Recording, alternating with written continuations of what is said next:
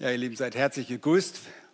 Wenn wir unser Studium im ersten Brief des Thessalonicher uns umsehen, dann stellen wir fest, wir sind fast am Ende und es gibt jetzt nur noch zwei oder drei Predigten. Äh, diese Woche wollen wir 1. Thessalonicher Kapitel 5, die Verse 23 und 24 betrachten und so Gott will auch in der nächsten Woche dieses Thema der Heiligung abschließen. Heute also die Verse 23 und 24 in 1. Thessalonicher Kapitel 5. Und dort heißt es, er selbst aber, der Gott des Friedens, heilige euch durch und durch und euer ganzes Wesen, der Geist, die Seele und der Leib, möge untadelig bewahrt werden bei der Wiederkunft unseres Herrn Jesus Christus. Treu ist er, der euch beruft. Er wird es auch tun. Ihr Lieben, leider gibt es überall Menschen mit einer falschen Gewissheit des Heils. Diese Menschen täuschen sich, obwohl sie sich selbst als Christen bezeichnen, leben sie nicht wie Christen, denken sie nicht wie Christen und sie denken, sie können einfach wie ein ganz normaler Mensch weiterleben, nachdem sie Christus kennengelernt haben. Und der Apostel Paulus schreibt von solchen Menschen im Titusbrief, Kapitel 1, Vers 16, und er sagt, sie geben vor, Gott zu kennen, aber mit den Werken verleugnen sie ihn, da sie verabscheuungswürdig und ungehorsam und zu jedem guten Werk untüchtig sind. Nun, ein wahrer Christ ist jemand, der auch wie ein Christ denkt und lebt. Jesus betont in seiner Bergpredigt, dass Gerettete nicht diejenigen sind, die reden, sondern diejenigen, die tun. Ein wahrer Christ wird an seinem Leben mit Christus erkannt. Ein wahrer Christ wird an seiner Heiligung sichtbar. Heiligung zeichnet ihn aus. Und das sind die Menschen, die nachhaltig verwandelt wurden und sich von anderen Menschen der Welt dann deutlich unterscheiden. Heiligung ist gemäß der Schrift untrennbar von der Rechtfertigung der Erklärung Gottes, der Gerechterklärung Gottes verbunden. Und während Rechtfertigung sich auf den Moment der Errettung bezieht, tut Heiligung das auf den Prozess der geistlichen Entwicklung. Rechtfertigung und Heiligung können also nicht voneinander getrennt werden. Das eine bedingt das andere. Diejenigen, die die Errettung erlebt haben, befinden sich immer in einem geistlichen Prozess und der zeigt sich in ihrem Leben.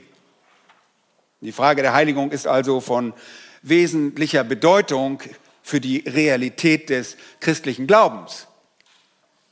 Allerdings scheint das Wissen darum im evangelikalen Lager selbst dort heute verloren gegangen zu sein. Und wir haben unser Missionsteam gesehen, Paulus und Silas und Timotheus, sie wussten auf jeden Fall, was es bedeutet. Sie wussten, dass die Heiligung für die Erfahrung des Christen von essentieller Bedeutung ist. Und deshalb ist ihr Segensgebet, das ist es, was ich euch vorgelegen habe, vorgelesen habe, wenn ich das mal so nennen kann, ein Wunschgebet, hier am Ende, dass der Gott des Friedens selbst die Thessalonicher heiligen möge. Der Titel dieser Predigt lautet deshalb auch die Bitte um eine vollständige Heiligung. Und die Verse 23 und 24 lehren uns wirklich eine Menge über die Heiligung.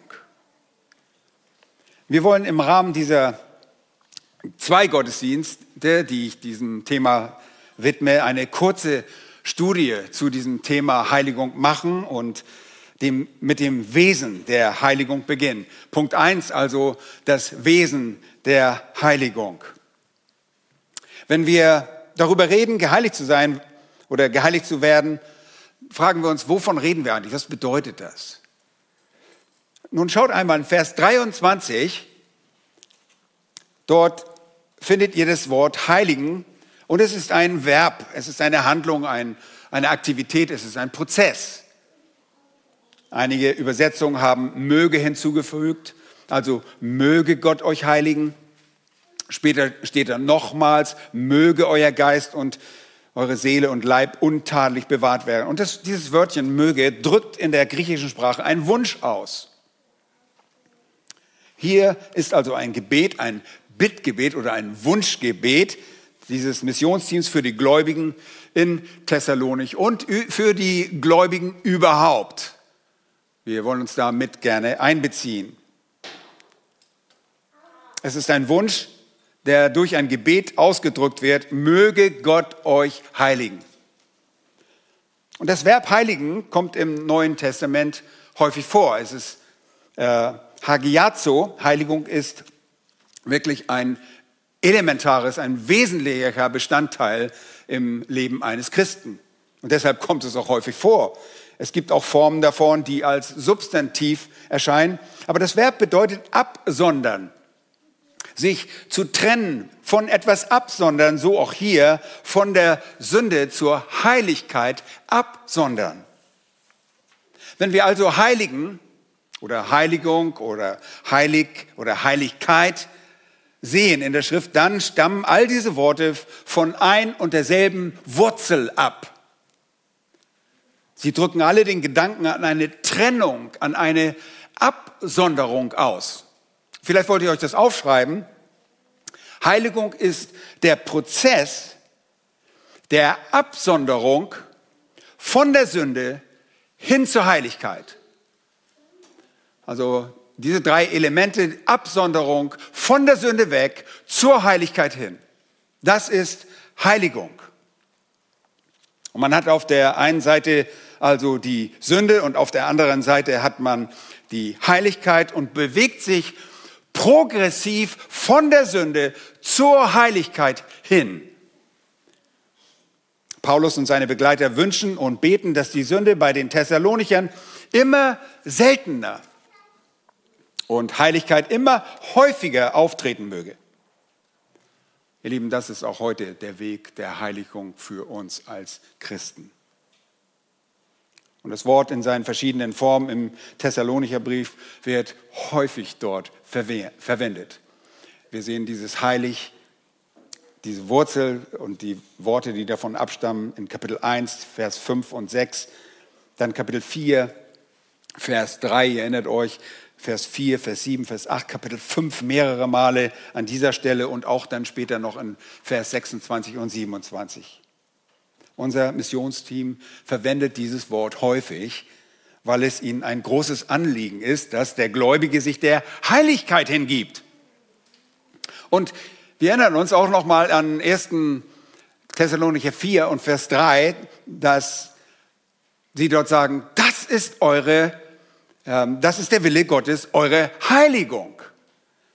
Heiligung ist Gottes Wille. Paulus, Silas und Timotheus wollen, dass die Gläubigen auf dem Weg der Heiligkeit voranschreiten. Und sie erbeten für sie, für die Thessalonicher, eine abnehmende Bindung an die Sünde und eine zunehmende Bindung an die Heiligkeit. Das ist ihr Wunsch. Geht einmal zurück in Kapitel 3, dort gibt es einen ganz ähnlichen Gebetswunsch dort in Kapitel 3 und die Verse 11 bis 13. Da heißt es, er selber aber, Gott, unser Vater und unser Herr Jesus Christus, lenke unseren Weg zu euch. Euch aber lasse der Herr wachsen und überstreben werden in der Liebe zueinander und zu allem, gleich wie auch wir sie zu euch haben, damit er eure Herzen stärke und sie tadelig sein in Heiligkeit vor unserem Gott und Vater bei der Wiederkunft unseres Herrn Jesus Christus mit all seinen Heiligen. Hier ein dasselbe Prinzip mit anderen Worten. Hier ist ein Gebet für dieselbe Sache. Und dieser Wunsch, dass Gläubige auf dem Weg des geistlichen Wachstums zur Heiligkeit voranschreiben sollen, ist wirklich nicht ein neues Konzept des Neuen Testaments. Absonderung weg von der Sünde und hin zu Gott ist ein sehr, sehr altes Konzept und so heiligte zum Beispiel Mose auf Befehl Gottes die Menschen, bevor er ihnen das Gesetz am Berg Sinai verkündete. Könnt ihr nachlesen in 2. Mose 19. Er sonderte sie ab zum heiligen Einsatz für Gott. Jahwe seinerseits zog eine Grenze um den Berg Sinai zur heiligen äh, Verwendung für Gott, bevor er das Volk heiligte. Dann in 2. Mose Kapitel 13 wurden alle Erstgeborenen der Menschen und des Viehs geheiligt und zur Verwendung für Gott abgesondert. Aaron und seine Söhne wurden laut 2. Mose 28 und 29 für den Priesterdienst geheiligt. Das haben wir gerade in der Bibelstunde gelernt, dass die Priester abgesondert sind für den Dienst an der Stiftshütte beziehungsweise auch im Tempel. Und in Hesekiel Kapitel 37, Vers 28, 20, sonderte Gott das Volk Israel als besonderes Volk ab, damit auch die Nation Jahwe erkennen würden. Hiob, den wir heute Morgen schon erwähnt haben, heiligte seine Kinder, beziehungsweise äh, ein Text aus Hiob, sonderte sie für Gott ab. Er sonderte seine Kinder ab, indem er in Hiob 1, Vers 5 Brandopfer für sie darbrachte. Samuel heiligte Isai und seine Söhne mit einem Opfer, wie wir in 1 Samuel 16 lesen, bevor er David unter seinen Brüdern salbte. Bereits im Mutterleib wurde der Prophet Jeremia durch göttlichen Willen ersehen und geheiligt. Er wurde für seinen Dienst als Prophet abgesondert, wie wir in Jeremia Kapitel 1, Vers 5 lesen. In 1. Mose 2, Vers 3, in der Schöpfung, haben wir gerade im roten Faden gelesen, wurde der Sabbat für Gott abgesondert und in 2. Mose 30 die Stiftshütte und ihre Gefäße wurden auch für Gott abgesondert. Der Tempel in Jerusalem wurde laut Chronik Kapitel, 2, äh, Kapitel 7, 2. Chronik 7 für Gott abgesondert. Alle Zufluchtsstädte wurden laut Josua 20, Vers 7 als heilig abgesondert.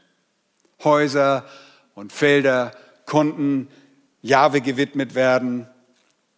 Und im Neuen Testament wurde laut Johannes 10, Vers 36 sogar Christus für den Vater geheiligt, für ihn abgesondert. Paulus in 1. Timotheus 4, an diesen schreibt er an Timotheus und sagt, denn alles, was Gott geschaffen hat, wird geheiligt durch Gottes Wort und Gebet. Es ist für Gott abgesondert. Also Heiligung ist kein, nicht ein neues Prinzip, das wir im Neuen Testament finden. Es ist ein altes. Das Konzept, etwas für Gott abzusondern, ist ein altes Konzept. Und so kommen wir jetzt dabei zu unserem Leben als Christen und zum selben Konzept der Absonderung für Gott. Gott macht deutlich, ich habe euch erkauft. Ich habe einen Preis für euch bezahlt und erlöst. Jetzt gehört er mir. Sondert euch für mich ab. So einfach ist das. Und deshalb schrieb Paulus auch in Römer 6, ihr seid nicht länger Sklaven der Sünde, ihr seid jetzt Diener Gottes. Deshalb gebt nicht länger eure Glieder der Sünde hin als Werkzeuge der Ungerechtigkeit, sondern gebt eure Glieder als Werkzeuge der Heiligkeit hin. Da sehen wir auch, er sagt nicht, denkt nur so, sondern handelt, tut etwas. Gott hat euch erkauft und er will euch für seine Zwecke absondern. Das ist auch so, wenn ein Mann sich eine Frau nimmt, eine Ehefrau nimmt, die zuvor vielleicht eine Reihe potenzieller Liebhaber besaß, doch durch die Ehe wird sie abgesondert und gehört nur ihrem Ehemann. Das hat Gott sich dabei gedacht. Das bedeutet es, geheiligt zu werden. Nun, es ist sehr wichtig für uns, dass wir die grundlegenden Dinge der Heiligung verstehen damit wir deren Bedeutung in unserem Leben verstehen können. Es gibt mehrere Aspekte. Erstens gibt es einen Aspekt, der die Stellung betrifft. Es gibt insgesamt drei verschiedene Aspekte der Heiligung. Wir müssen das verstehen. Der erste Aspekt ist die Heiligung der Stellung nach. Dieser Aspekt beschreibt das Ergebnis der anfänglichen Heiligung, wie es uns in unser, wie es uns in unsere Stellung vor Gott brachte. Dieser Aspekt ist deshalb ein Ereignis in der Vergangenheit. Als ihr errettet wurde, wurdet ihr geheiligt. Okay? Das liegt zurück. Bei der Bekehrung wurdet ihr geheiligt. Als ihr gerettet wurdet, wurdet ihr geheiligt. Vergangenheit. Ihr wurdet von der Dunkelheit zum Licht abgesondert. Vom Tod zum Leben und von der Hölle zum Himmel abgesondert. Ihr Lieben, ihr wurdet von der Herrschaft und Zerstörung der Sünde und Satans zur Herrschaft und Herrlichkeit Gottes abgesondert. Was für ein wunderbarer Gedanke. Es gibt also diese Wahrheit der Heiligung, die sich bereits zum Zeitpunkt eurer Errettung ereignete. Und dabei, ganz wesentlich, erhieltet ihr ein neues Wesen. Das Alte ist vergangen, siehe, es ist alles neu geworden. Jetzt habt ihr das Leben Gottes in euch. Der Heilige Geist hat in euch Wohnung genommen. Ihr seid zu einem Teilhaber des göttlichen Wesens geworden. Ihr Lieben, deshalb sitzt ihr hier heute fröhlich, wenn ihr Kinder Gottes seid, weil ihr wollt da sein, wo Gottes Kinder sind. Das ist wesensmäßig. Das tun wir gerne. Man muss mich nicht zwingen, oh, ich muss wieder zum Gottesdienst. Nein, das ist wesensmäßig, weil ihr verändert worden seid. Jetzt liebt ihr das, was richtig ist. Und ihr hasst, was falsch ist. Ihr strebt danach, den Willen Gottes zu tun. Und ihr wollt sogar dem Wort Gottes gehorsam sein.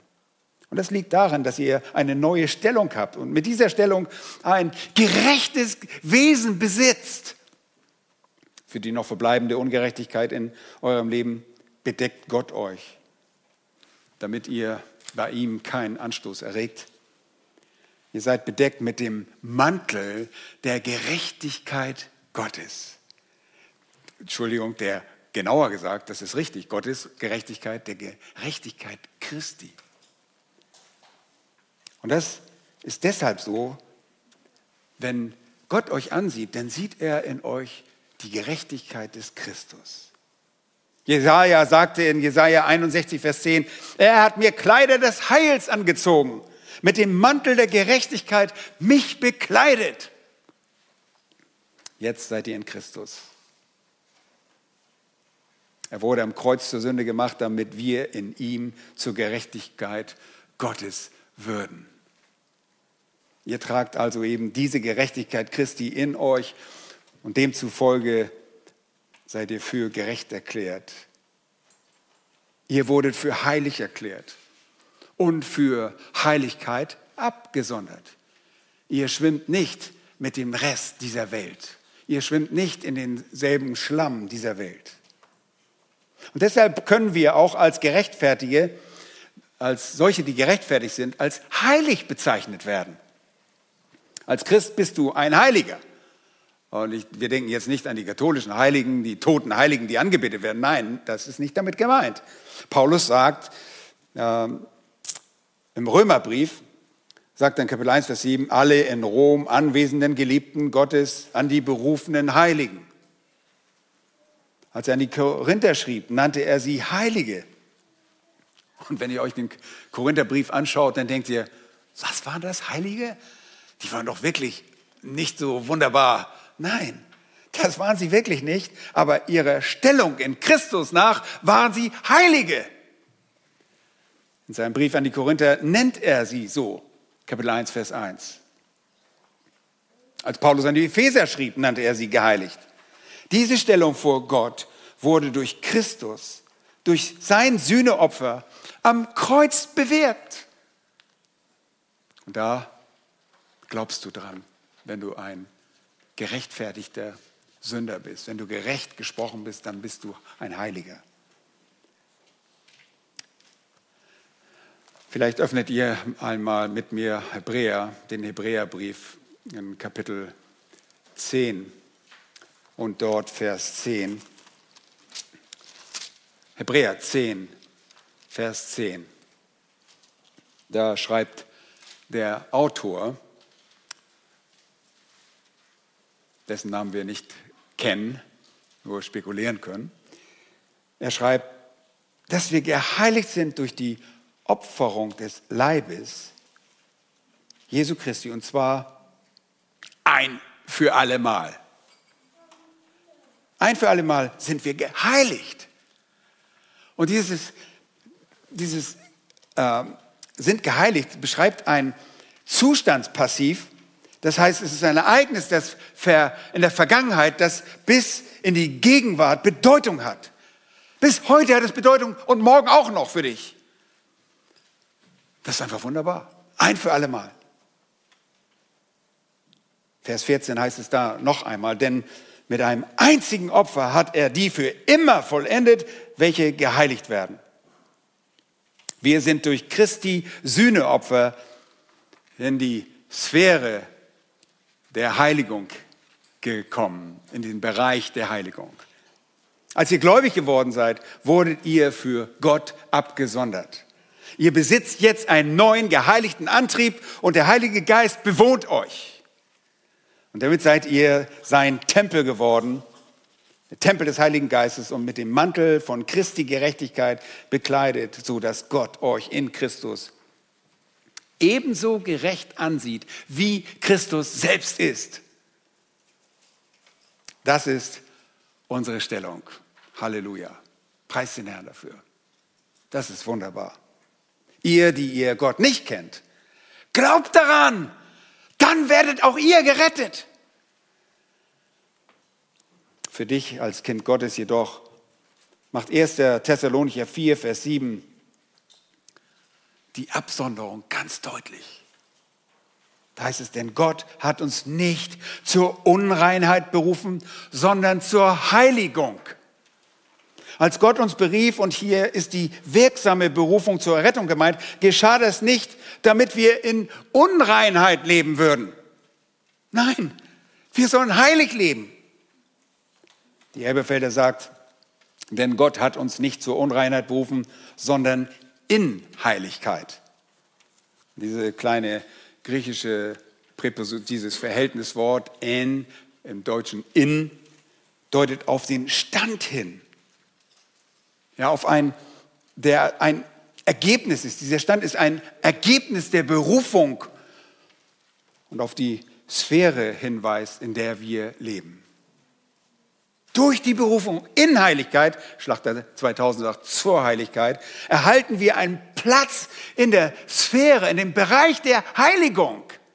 Da gehören wir hin. Wir heiligen uns. Bist du ein Christ, dann heiligst du dich. Wir sind heilig in Bezug auf unsere Stellung und auf unseren offiziellen Stand. Gott hat uns in den Bereich der Heiligung berufen. Wir sind geheiligt und deshalb können wir als auch Heilige genannt werden.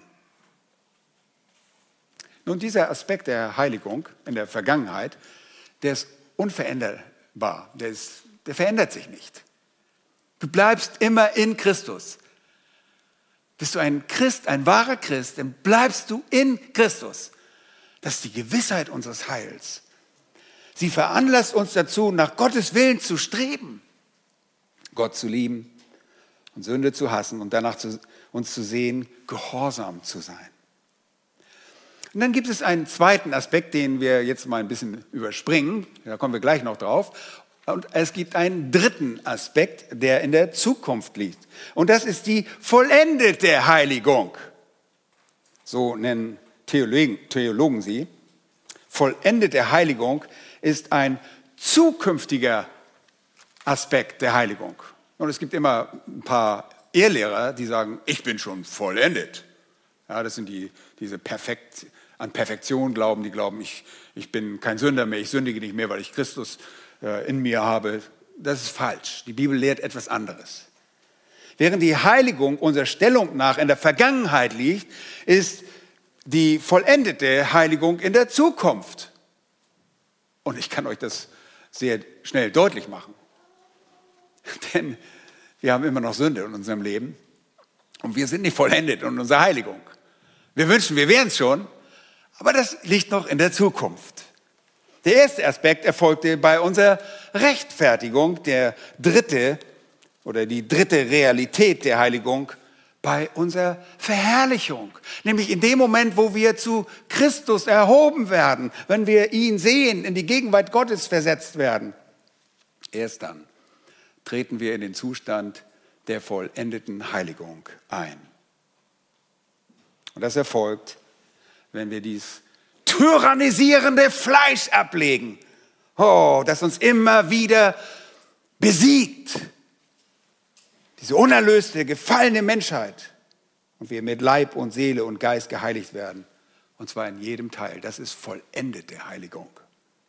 Und das ist der Punkt, wenn der Sterbliche unsterblich wird, wie Paulus beschreibt in 1. Äh, Korinther Kapitel 15, wenn das Verwesliche unverweslich wird.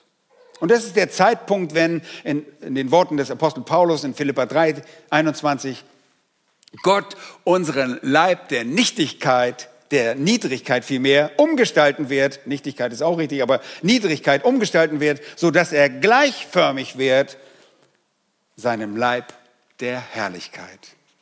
Ihr Lieben, das ist der Zeitpunkt, wenn wir wie Christus werden, denn wir sehen ihn, wie er ist. Das ist dieser herrliche Moment, wenn wir als eine unbefleckte Braut unserem Bräutigam präsentiert werden. Das ist Zukunft. In unserer Stellung sind wir bereits in der Vergangenheit geheiligt worden. Und damit besitzen wir eine Garantie für die zukünftige, die vollendete Heiligung. Nun, jetzt bleibt uns nur noch das Dazwischen. Wir haben den ersten Aspekt und den dritten Aspekt und das Dazwischen nennt man die fortschreitende Heiligung, dieser Prozess, in dem wir jetzt stecken. Und das ist die Situation, die wir oft nicht so leben, besonders wenn wir merken, dass wir wieder gesündigt haben. Aber das ist die Heilung, die zwischen der ersten und der dritten Stufe liegt. Die erste Heiligung ist unantastbar und dauerhaft auf ewig. Wir werden immer die Gerechtigkeit Christi in uns tragen. Preis den Herrn dafür. Und wir werden auch garantiert vollkommen gemacht in der Heiligung. Es ist die Heiligung in der Mitte dieser beiden, die Schwankungen unterworfen ist. Als Christen sind wir auf dem Weg, das zu werden, was wir wirklich sind und was wir sein werden. Versteht ihr das? Leute, ich weiß, manchmal denken die Ungläubigen von uns, die Christen, die haben alle eine Macke. Also was, was die da reden, die, wollen werden, was wir wirklich sind und äh, was wir sein werden. Wovon reden sie? Nun, wir sind geheiligt, sagt die Schrift. Und wir werden geheiligt. Das ist äh, indikativ, das ist Wirklichkeit. Das wird so geschehen ist unabänderlich. Und dazwischen versuchen wir den Befehlen, den Imperativen des Wortes Gottes nachzukommen. Und da spricht man auch von dem Indikativ, Imperativ, Prinzip. Wir wollen das werden, was wir eigentlich schon sind. Wir sind Heilige, aber wir sind es ja noch nicht, weil wir noch in diesem Prozess sind. Und das ist es, womit sich 1. Thessalonicher beschäftigt hier. Das Gebet ist hier nicht für eine Heiligung, die in der Vergangenheit liegt. Das ist dummes Zeug. Kann es nicht sein. Sie beinhaltet aber sehr wohl, Vers 23, die Hoffnung auf eine Heiligung in der Zukunft. Und zwar bei der Wiederkunft Christi.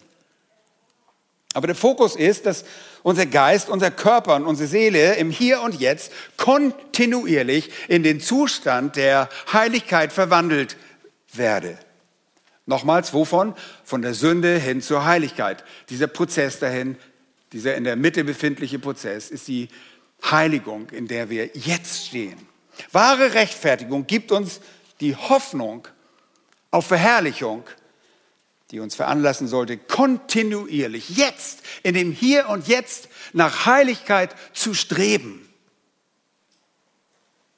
Das ist das Ziel des christlichen Lebens. Wir haben das gerade gesungen. Ihr sollt heilig sein, denn ich bin heilig. 1. Petrus 1, Vers 16. Darum sollt ihr vollkommen sein, gleich wie euer Vater im Himmel vollkommen ist, sagte Jesus in der Bergpredigt in Kapitel 5, Vers 48. Das ist das Ziel. Und das ist der Kern des christlichen Lebens. Wir befinden uns in diesem Prozess zwischen der vergangenen Heiligung und der künftigen Heiligung, indem wir geheiligt werden. Das heißt, wir begehen jetzt weniger Sünden als vielleicht noch zuvor und werden zunehmend heiliger. Das heißt auch Christus ähnlicher. Paulus konnte Christen trotz ihres mangelnden heiligen Verhaltens als Heilige und heilig bezeichnen, haben wir gesehen. Aber er ruft sie auch auf der Grundlage all dessen auf, was Gott getan hat, zur Nachfolge. Kommt, folgt mir nach, sagt Christus, und er ruft sie auf, folgt nach, folgt Christus nach, damit ihr den Charakter der Heiligkeit in eurem Leben zunehmend erlebt. Nun, wir wollen einen zweiten Punkt in unserem Text betrachten und das ist das Wesen, äh, äh, das, die Quelle der Heiligung. Das Wesen haben wir jetzt gerade betrachtet. Wir wollen uns die Quelle der Heiligung ansehen. Und da schaut nochmal in den Text, bitte, sehr deutlich zu erkennen, muss ich natürlich auch aufschlagen. Ähm, in Vers 23 heißt es, Er selbst aber, der Gott des Friedens, heilige euch. Und da braucht man kein, großer, kein großes Genie sein. Das habe ich sogar ganz schnell rausgefunden. Und wenn ich das rausfinde, könnt ihr das dreimal rausfinden. Er selbst aber, der Gott des Friedens, heilige euch. Die Quelle ist der Gott des Friedens. Er ist die Quelle der Stärke und die Kraft für die Heiligung. Nachdem die, dieses Missionsteam am Ende des Briefes alle Ermahnungen abgeschlossen hat, wenden sie sich der Quelle zu, die für die Erfüllung dieser Ermahnungen und Imperative, dieser Befehle, dieser Gebote notwendig und erforderlich ist. Und wir erinnern uns, dass sie viele Ermahnungen gaben. Und zwar primär ab Kapitel 4 und dann bis Vers 11 in Kapitel 5 und dann ab Vers 12 in Kapitel 5 bis 22 folgen dann diese, ähm, diese Staccato, Staccato, muss ich immer an meine Klavierlehrerin denken, die hat mir immer unter die Hand gehauen. Staccato hat sie gesagt. Staccato, das sind punktierte Noten, die ist nicht so getragen, nicht so verbinden wie ein Lago oder, sondern sie müssen unabhängig, du musst hoch von den, von den, von den Tasten wieder hochkommen. Und so sind diese Gebote so staccato, also schnell hintereinander abgefeuert. Fast wie Presto, ja, wie sagt man in der Musik oder ja, was ist das Ultimative da? Prestimissimo heißt es, glaube ich, ja. Äh, wenn ihr Musiker, Musiker seid, dann wisst ihr, was ich meine. Schnell hintereinander, alles einzelne Gebote. Freut euch alle Zeit, sagt er im Vers 16. Betet ohne Unterlass, seid in allem dankbar. Den Geist dämpft nicht, die Weissagung verachtet nicht. Prüft alles. Ein Gebot nach dem anderen. In diesen Geboten erkennen wir unsere Pflichten und unsere Verantwortung. Und wir sehen wohl, dass sie unsere Anstrengung und Hingabe und auch unsere, wirklich unsere Disziplin fordern, wissen jedoch, dass nur Gott allein derjenige sein kann, der all dies in uns bewerkstelligt. Das ist sehr wichtig. Wir werden aufgefordert, aber Gott allein kann das nur tun. Und so führt dieser Vers uns zu der Realität, dass die Erfüllung all dieser göttlichen Ermahnungen und Gebote nicht allein durch menschliche Anstrengung möglich ist. Das ist nicht zu erreichen. Der Prophet Jesaja sagt uns auch im Alten Testament, nicht durch Macht, nicht durch Kraft, sondern durch meinem Geist spricht Jahwe Zebaoth.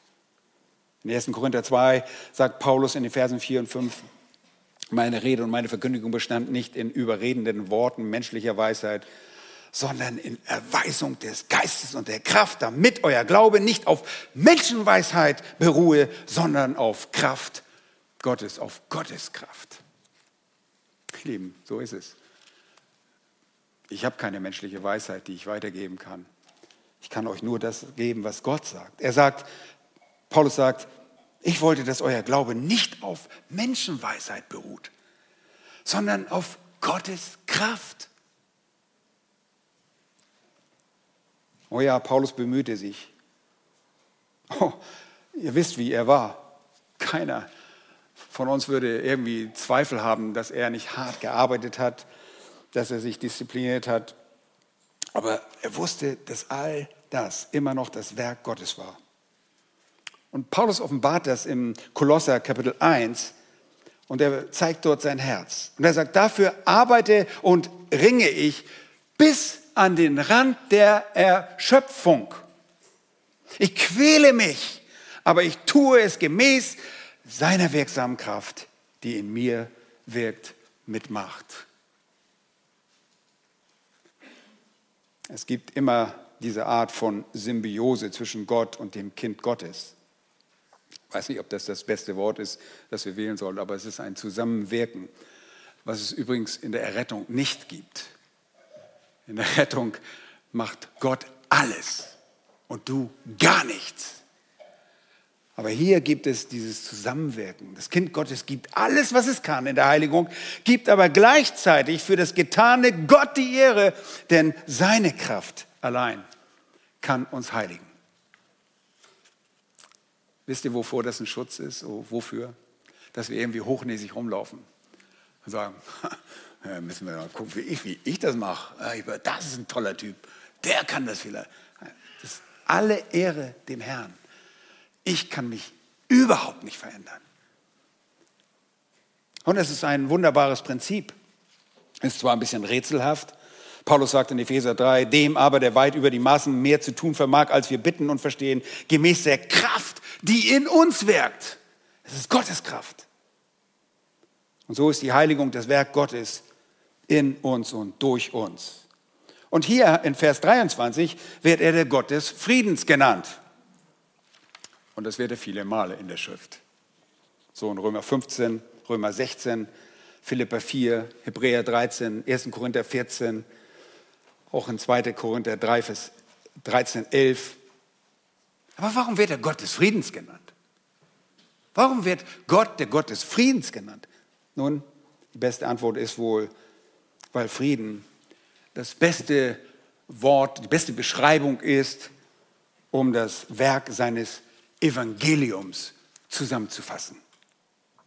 Und der Gott des Friedens, das ist der Gott, der durch das Blut des Kreuzes Christi Frieden brachte. Der Gott, der Frieden mit den Sündern schloss, uns mit sich versöhnte. Oh, deshalb wird die frohe Botschaft auch das Evangelium des Friedens genannt. Epheser Kapitel 6, Vers 15. Der Gott des Friedens also ist die Quelle.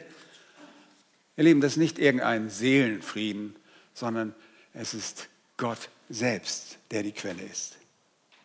Der Gott, der Erlösung gebracht hat, der rettende, der rechtfertigende Gott, der uns in die Erlösung geführt hat und bringen wird. Denn Erlösung hat auch einen zukünftigen Aspekt. Ihr wollt nicht sagen, dass ihr schon fertig erlöst seid, denn eines Tages werden wir aus dieser Welt erlöst, von unserem Fleisch erlöst. Und so ist es auch mit der Heiligung. Der ganze Segen des Evangeliums lässt sich einfach am besten mit Frieden ausdrücken. Und das sagt Paulus auch in Epheser 2. Er sagt, er ist unser Friede, der die beiden eins gemacht hat, die Heiden und die Juden eins gemacht hat, genau. Er ist unser Friede. Gott, der durch Jesus Christus Frieden gebracht hat, ist es, der uns Heiligung gewährt. Und deshalb schreiben Paulus Silas und Timotheus, wir bitten dich, Gott. Gott, du musst es tun. Du musst diese Menschen heiligen. Du, der Gott, der den Prozess der Heiligung durch deine Errettung begonnen hat. Tu es doch bitte. Das haben sie gewünscht, gewünscht und deshalb haben sie sich an Gott gewendet. Und die anspruchsvolle Aufgabe und die, der Heiligung und der Heiligkeit, die ist wirklich krass. Wir sollen so sein wie Gott. Das, was Gott von uns erwartet, ist so, dass es ihn selbst erforderlich macht. Ohne ihn geht es nicht. Die Herausforderung ist zu groß für uns allein, deshalb muss er das tun. Wie macht Gott das? Nun, Jesus beantwortet diese Frage wunderbar im Johannesevangelium Kapitel 17, Vers 17 bittet er selbst, Jesus, seinen Vater, für die Jünger, für alle Jünger, heilige sie in deiner Wahrheit, dein Wort ist Wahrheit. Und wenn der Vater also Jünger Jesu heiligt, dann wird er es durch sein Wort tun. In 1. Petrus 5, Vers 10 lesen wir, könnt ihr gerne mal kurz aufschlagen, 1. Petrus 5 und Vers 10.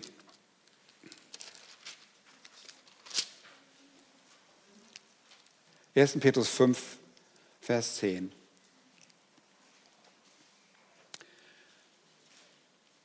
der Gott aller Gnade, der uns berufen hat zu seiner ewigen Herrlichkeit in Christus Jesus. Er selbst möge euch, nachdem ihr eine kurze Zeit gelitten habt, völlig äh, zubereiten, festigen, stärken, gründen.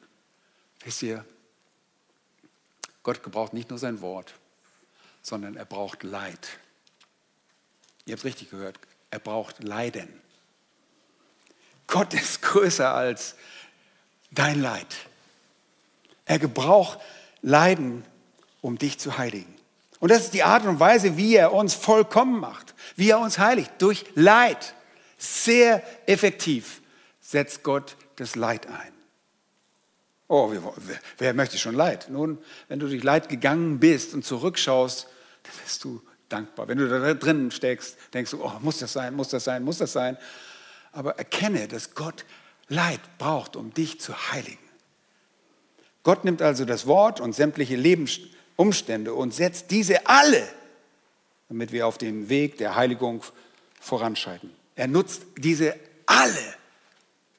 Deshalb, egal wie dein Umstand jetzt ist, dieser Umstand ist nicht, oh, Gott hat nicht aufgepasst. Doch, Gott ist der Vater und er passt auf seine Kinder immer auf.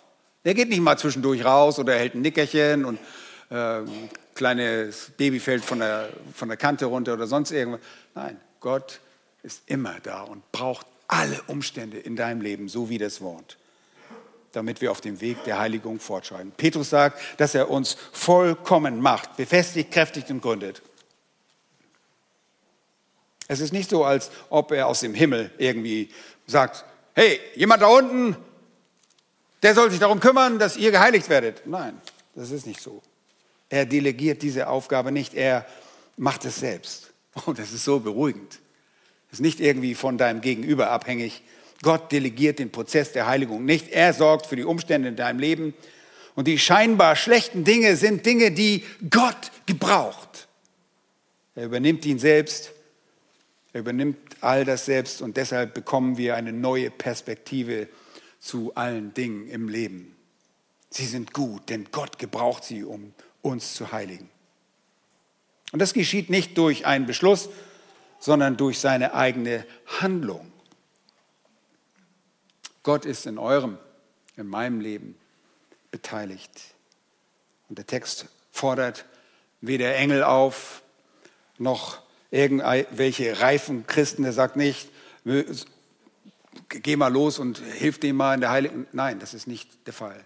Der Text sagt, Möge der Gott des Friedens das selbst tun. Er wohnt in uns und tut es deshalb selbst.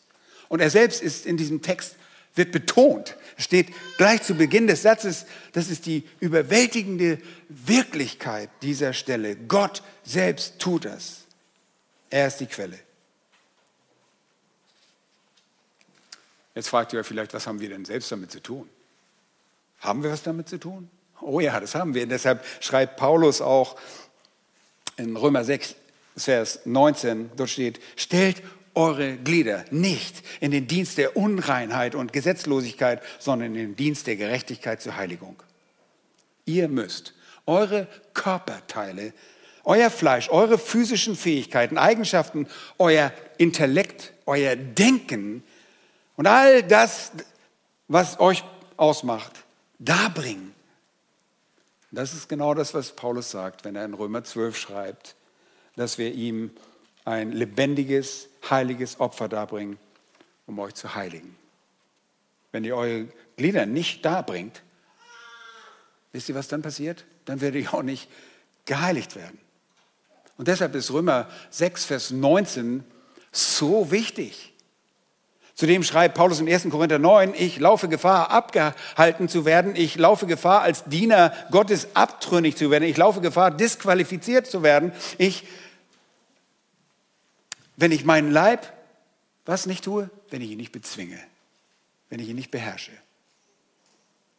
Aber am Ende seines Lebens sagt er in 2 Timotheus 4, 7, schreibt er, ich habe den guten Kampf gekämpft, den Lauf vollendet. Und das war Paulus. Er war ein guter Kämpfer, ein guter Läufer, ein guter Boxer, der seinen eigenen Körper züchtete und sich selbst Gott gegenüber versklavte. Paulus disziplinierte sein Leben auf jede erdenkliche Art und Weise. Wir haben eine Aufgabe zu übernehmen und sie besteht in der Hingabe, in Engagement, in Selbstdisziplin. All diese Dinge müssen wir darbringen. Und wie wirkt Gott diese Dinge zusammen? Er und wir? Ich weiß es nicht. Aber wisst ihr was? Gott weiß es. Gott weiß genau, wie, wie er das zusammenkriegt. Wir müssen nicht alles wissen. Wir müssen nicht denken, wir können den allmächtigen und allweisen Gott verstehen. Gott weiß es. Jesaja sagt, meine Gedanken, äh, in Jesaja sagt, Jahwe, meine Gedanken sind nicht eure Gedanken und eure Wege sind nicht meine Wege. Wir müssen nicht denken, Gott ist ein Mensch. Der kann viel mehr, als wir überhaupt erdenken können. In 5. Mose 29, 28 lesen wir, was verborgen ist. Das steht bei Jahwe. Wir müssen nicht alles wissen. Aber Gott fordert uns auf, uns zu heiligen, uns zu disziplinieren, uns anzustrengen. Aber letztlich macht er doch alles. Es ist wirklich nötig, beide Seiten dieser Heiligung zu verstehen. Und das steht im Einklang mit der Schrift, denn Paulus schreibt in 1. Korinther 15, Vers 10, hört mal genau hin, aber durch Gottes Gnade bin ich, was ich bin. Und seine Gnade, die er an mir erwiesen hat, ist nicht vergeblich gewesen. Oh, was immer ich bin, sagte er, es war Gottes Gnade. Und dann sagt er folgendes, ich habe mehr gearbeitet als sie alle, jedoch nicht ich, sondern die Gnade, die mit mir ist. Er sagt, was immer ich bin, alles, was, was aus mir geworden ist, das beruht auf der Gnade Gottes, aber ich bin, habe härter als alle anderen gearbeitet. Lieben, beides gehört zusammen. Und das lässt sich nicht voneinander trennen wie auch Kolosse 1, Vers 29 ausdrückt, ich arbeite bis an den Rand der Erschöpfung, ich quäle mich, wie schon erwähnt, und dann wirkt Gott mit Macht in mir. Und die vielleicht beste Stelle in dieser Hinsicht ist Philippa Kapitel 2, Vers 12. Da heißt es, meine Geliebten, darum meine Geliebten, schreibt er den Philippern aus Rom, deshalb, weil ihr alle Zeit gehorsam gewesen seid, müsst ihr gehorsam sein. Äh, wie ihr alle Zeit gehorsam gewesen seid, müsst ihr gehorsam sein. Ihr wart gehorsam in meiner Gegenwart. Jetzt seid weiter gehorsam. Verwirklicht eure Errettung wie? Mit Furcht und Zittern. Und damit meint er nicht, dass wir für unsere Errettung sorgen müssen, denn äh, diese Philipper werden als geliebte Brüder angesprochen. Sie waren schon errettet. Er sagt, die Errettung, die bereits in euch existiert, muss nach außen hin umgesetzt werden. Ihr müsst euch entsprechend bemühen. Und dann macht er in Vers 13 eine Kehrtwende und sagt, denn Gott ist es, der in euch sowohl das Wollen als auch das Vollbringen wirkt nach seinem Wohlgefallen. Das ist es. Gott ist es. Gott ist es. Wir sind es. Wo ziehen wir die Grenze? Nun, es gibt keine Grenze, die wir ziehen können. Das gehört beides zusammen. Wir können lediglich sagen, wie das jemand einst tat, dass er nicht viel, dass es nicht viel braucht, um ein Christ zu sein, aber wenn wir Christ sind, dann müssen wir unser Ganzes geben. Es braucht nicht viel, Christ zu werden, aber Christ zu sein fordert dein ganzes Leben. Es erfordert unser ganzes, aber letzten Endes ist Gott der Einzige, der uns heiligen kann. Also, wir haben das Wesen gesehen äh, der Heiligung, wir haben die Quelle gesehen und drittens wollen wir noch das Ausmaß der Heiligung. Es wird etwas kürzer werden, wir sind mit der Zeit vorangeschritten. Ich habe nicht mehr so viel. Das Ausmaß ist sehr wichtig. In welchem Ausmaß sollen wir uns von Gott, von Gott geheiligt werden? Schaut mal in Vers 23 ist es der Wunsch, dass wir vollständig geheiligt werden. Seht ihr das dort? Schlachter 2000 sagt durch und durch, die Elberfelder übersetzt, heilige euch völlig. Und das im Griechischen gebrauchte Wort ist hier ähm, holos, besteht aus zwei zusammengesetzt worden. Einmal zum einen holos, ihr kennt holistisch, ja, einige wollen sich holistisch ganzheitlich ernähren oder was weiß ich. Äh, wir leiten da ganzheitlich ab, holistisch. Und die zweite Hälfte des Wortes ist Tillis. Das ist Telos von Ziel oder Ende. Das bedeutet Ende. Das Eigenschaftswort Holoteles weist also auf etwas hin, das bis zum Ende ganzheitlich ist, von Anfang bis zum Ende. Und die beste Übersetzung dafür ist entweder durch und durch oder völlig. Das Ganze von jedem von euch, so drückt es ein Kommentator aus. Und jeder Teil von jedem von euch. All das, heilige Gott, das ist vollständige Heiligung. Das ist das Ausmaß der Heiligung. Und dann fügen sie in Vers 23 sogar noch das Wort ganz hinzu. Euer ganzes Wesen, der Geist, die Seele und der Leib möge untadelig bewahrt werden. Und das ist eine andere Verbindung von diesem Wort, griechischen Wort holo. Das ist holokleros, was intakt oder unbeschädigt ganz vollkommen bedeutet. Diese beiden Worte, also ganz unbeschädigt und vollkommen, bedeuten einfach, dass das Ausmaß der Heiligung die vollständige, die umfassende Heiligung deiner Person ist. Kein Teil eures Lebens soll unheilig bleiben. Kein Teil. Ihr sollt unbefleckt sein, denn so will Christus in Epheser 5, 27 die Gemeinde darstellen. Paulus sagt in 2. Korinther 11, dass er Christus eine keusche Jungfrau zuführen möchte. Und wir werden aufgefordert, ein völlig heiliges Leben zu führen. Gott duldet keinerlei Ausnahmen, an denen wir uns noch festklammern. Und das Gebet lautet deshalb, dass die Heiligung sich auf jeden Teil der Person erstrecken möge, sodass kein Teil davon unberührt bleibe. Lieben, was ist das Ziel, dass wir das erreichen? Haben wir das schon erreicht? Nein, haben wir nicht. Aber wir jagen diesem Ziel nach. Strecke mich danach aus, sagt Paulus in Philipper 3, Vers 13. Das Ziel ist Perfektion und der Preis ist die Christusähnlichkeit, die wir eines Tages erreichen werden. Das ist der zukünftige Aspekt dieser Heiligung. Also, das Ausmaß ist umfänglich, durch und durch, völlig. Und viertens beginne ich noch, wollen wir mit den, uns mit den Bestandteilen der Heiligung befassen, die Bestandteile der Heiligung. Und dieser vierte Punkt ist eigentlich eine Fortsetzung oder Erweiterung von Punkt 3. In Vers 23 heißt es, euer ganzes Wesen, der Geist, die Seele und der Leib mögen untadelig bewahrt werden.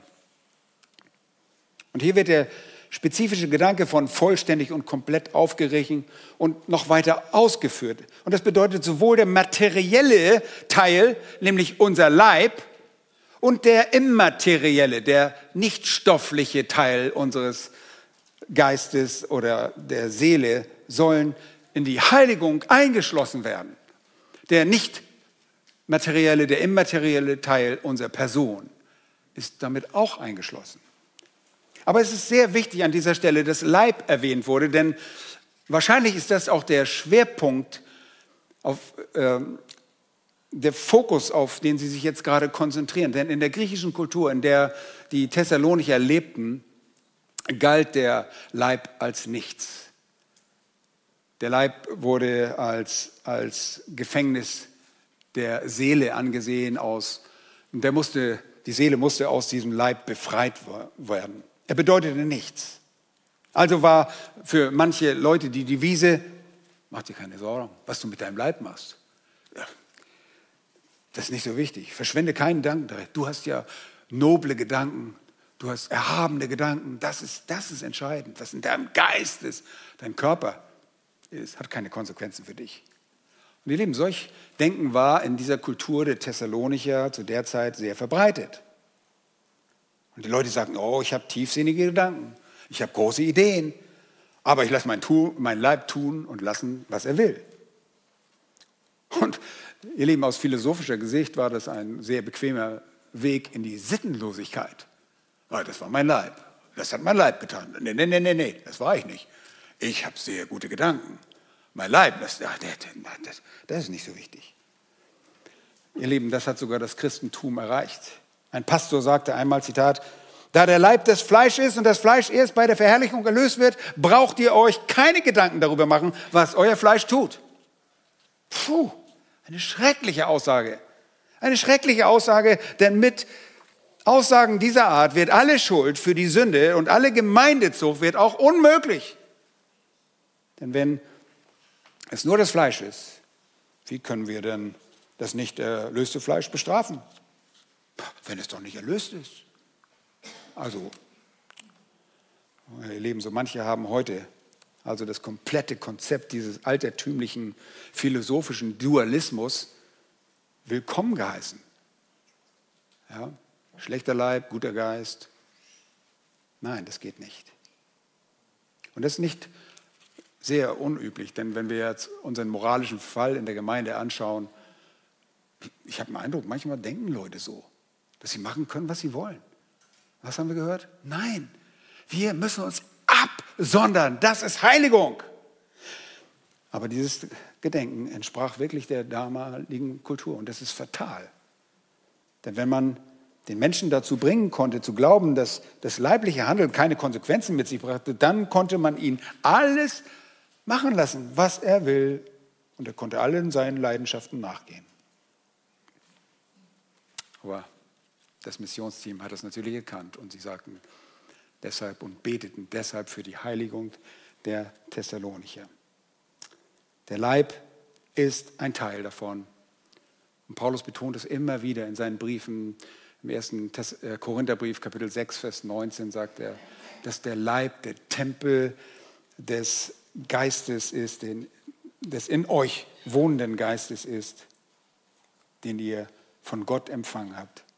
Und wem gehören wir?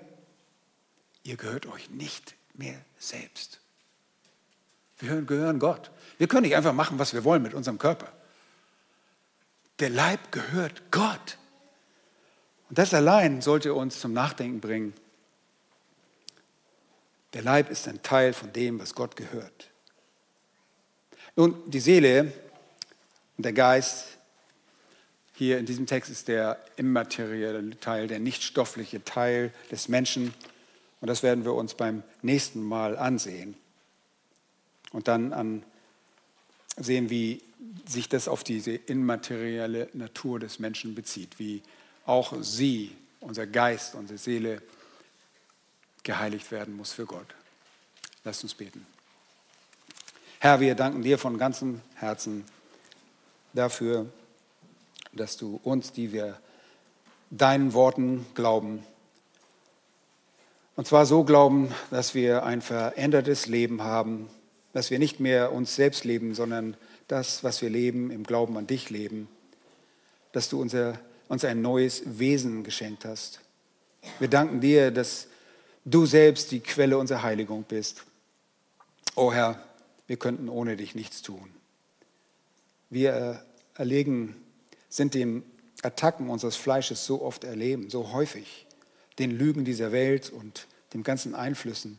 Du allein bist die Quelle dafür, dass wir in unserem Heiligungsleben vorankommen, dass wir von der Sünde weg zur Heiligkeit hin Fortschritte machen. Herr, und so möchten wir auch, dass unser ganzer Mensch ganzheitlich geheiligt wird. Sowohl der Leib als auch der Geist, die Seele, den, der innere Mensch. Wir wollen dir unser ganzes Denken, unser ganzes Dasein anbefehlen. Wir wollen dir aber zunächst mal unsere Leiber hingeben, Herr, denn sie sind es, die uns Probleme bereiten.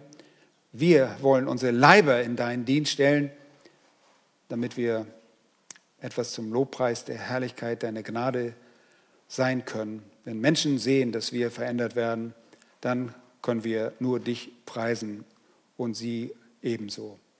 Denn ohne Heiligung ist es unmöglich, dass jemand Gott sieht. Und so wollen wir dafür sorgen, dass Menschen um uns herum auch dich sehen dürfen durch die Heiligung, die du in uns bewirkst. Dir sei herzlich Dank dafür. Und wir beten für unsere Heiligung. Dir zur Ehre. Amen.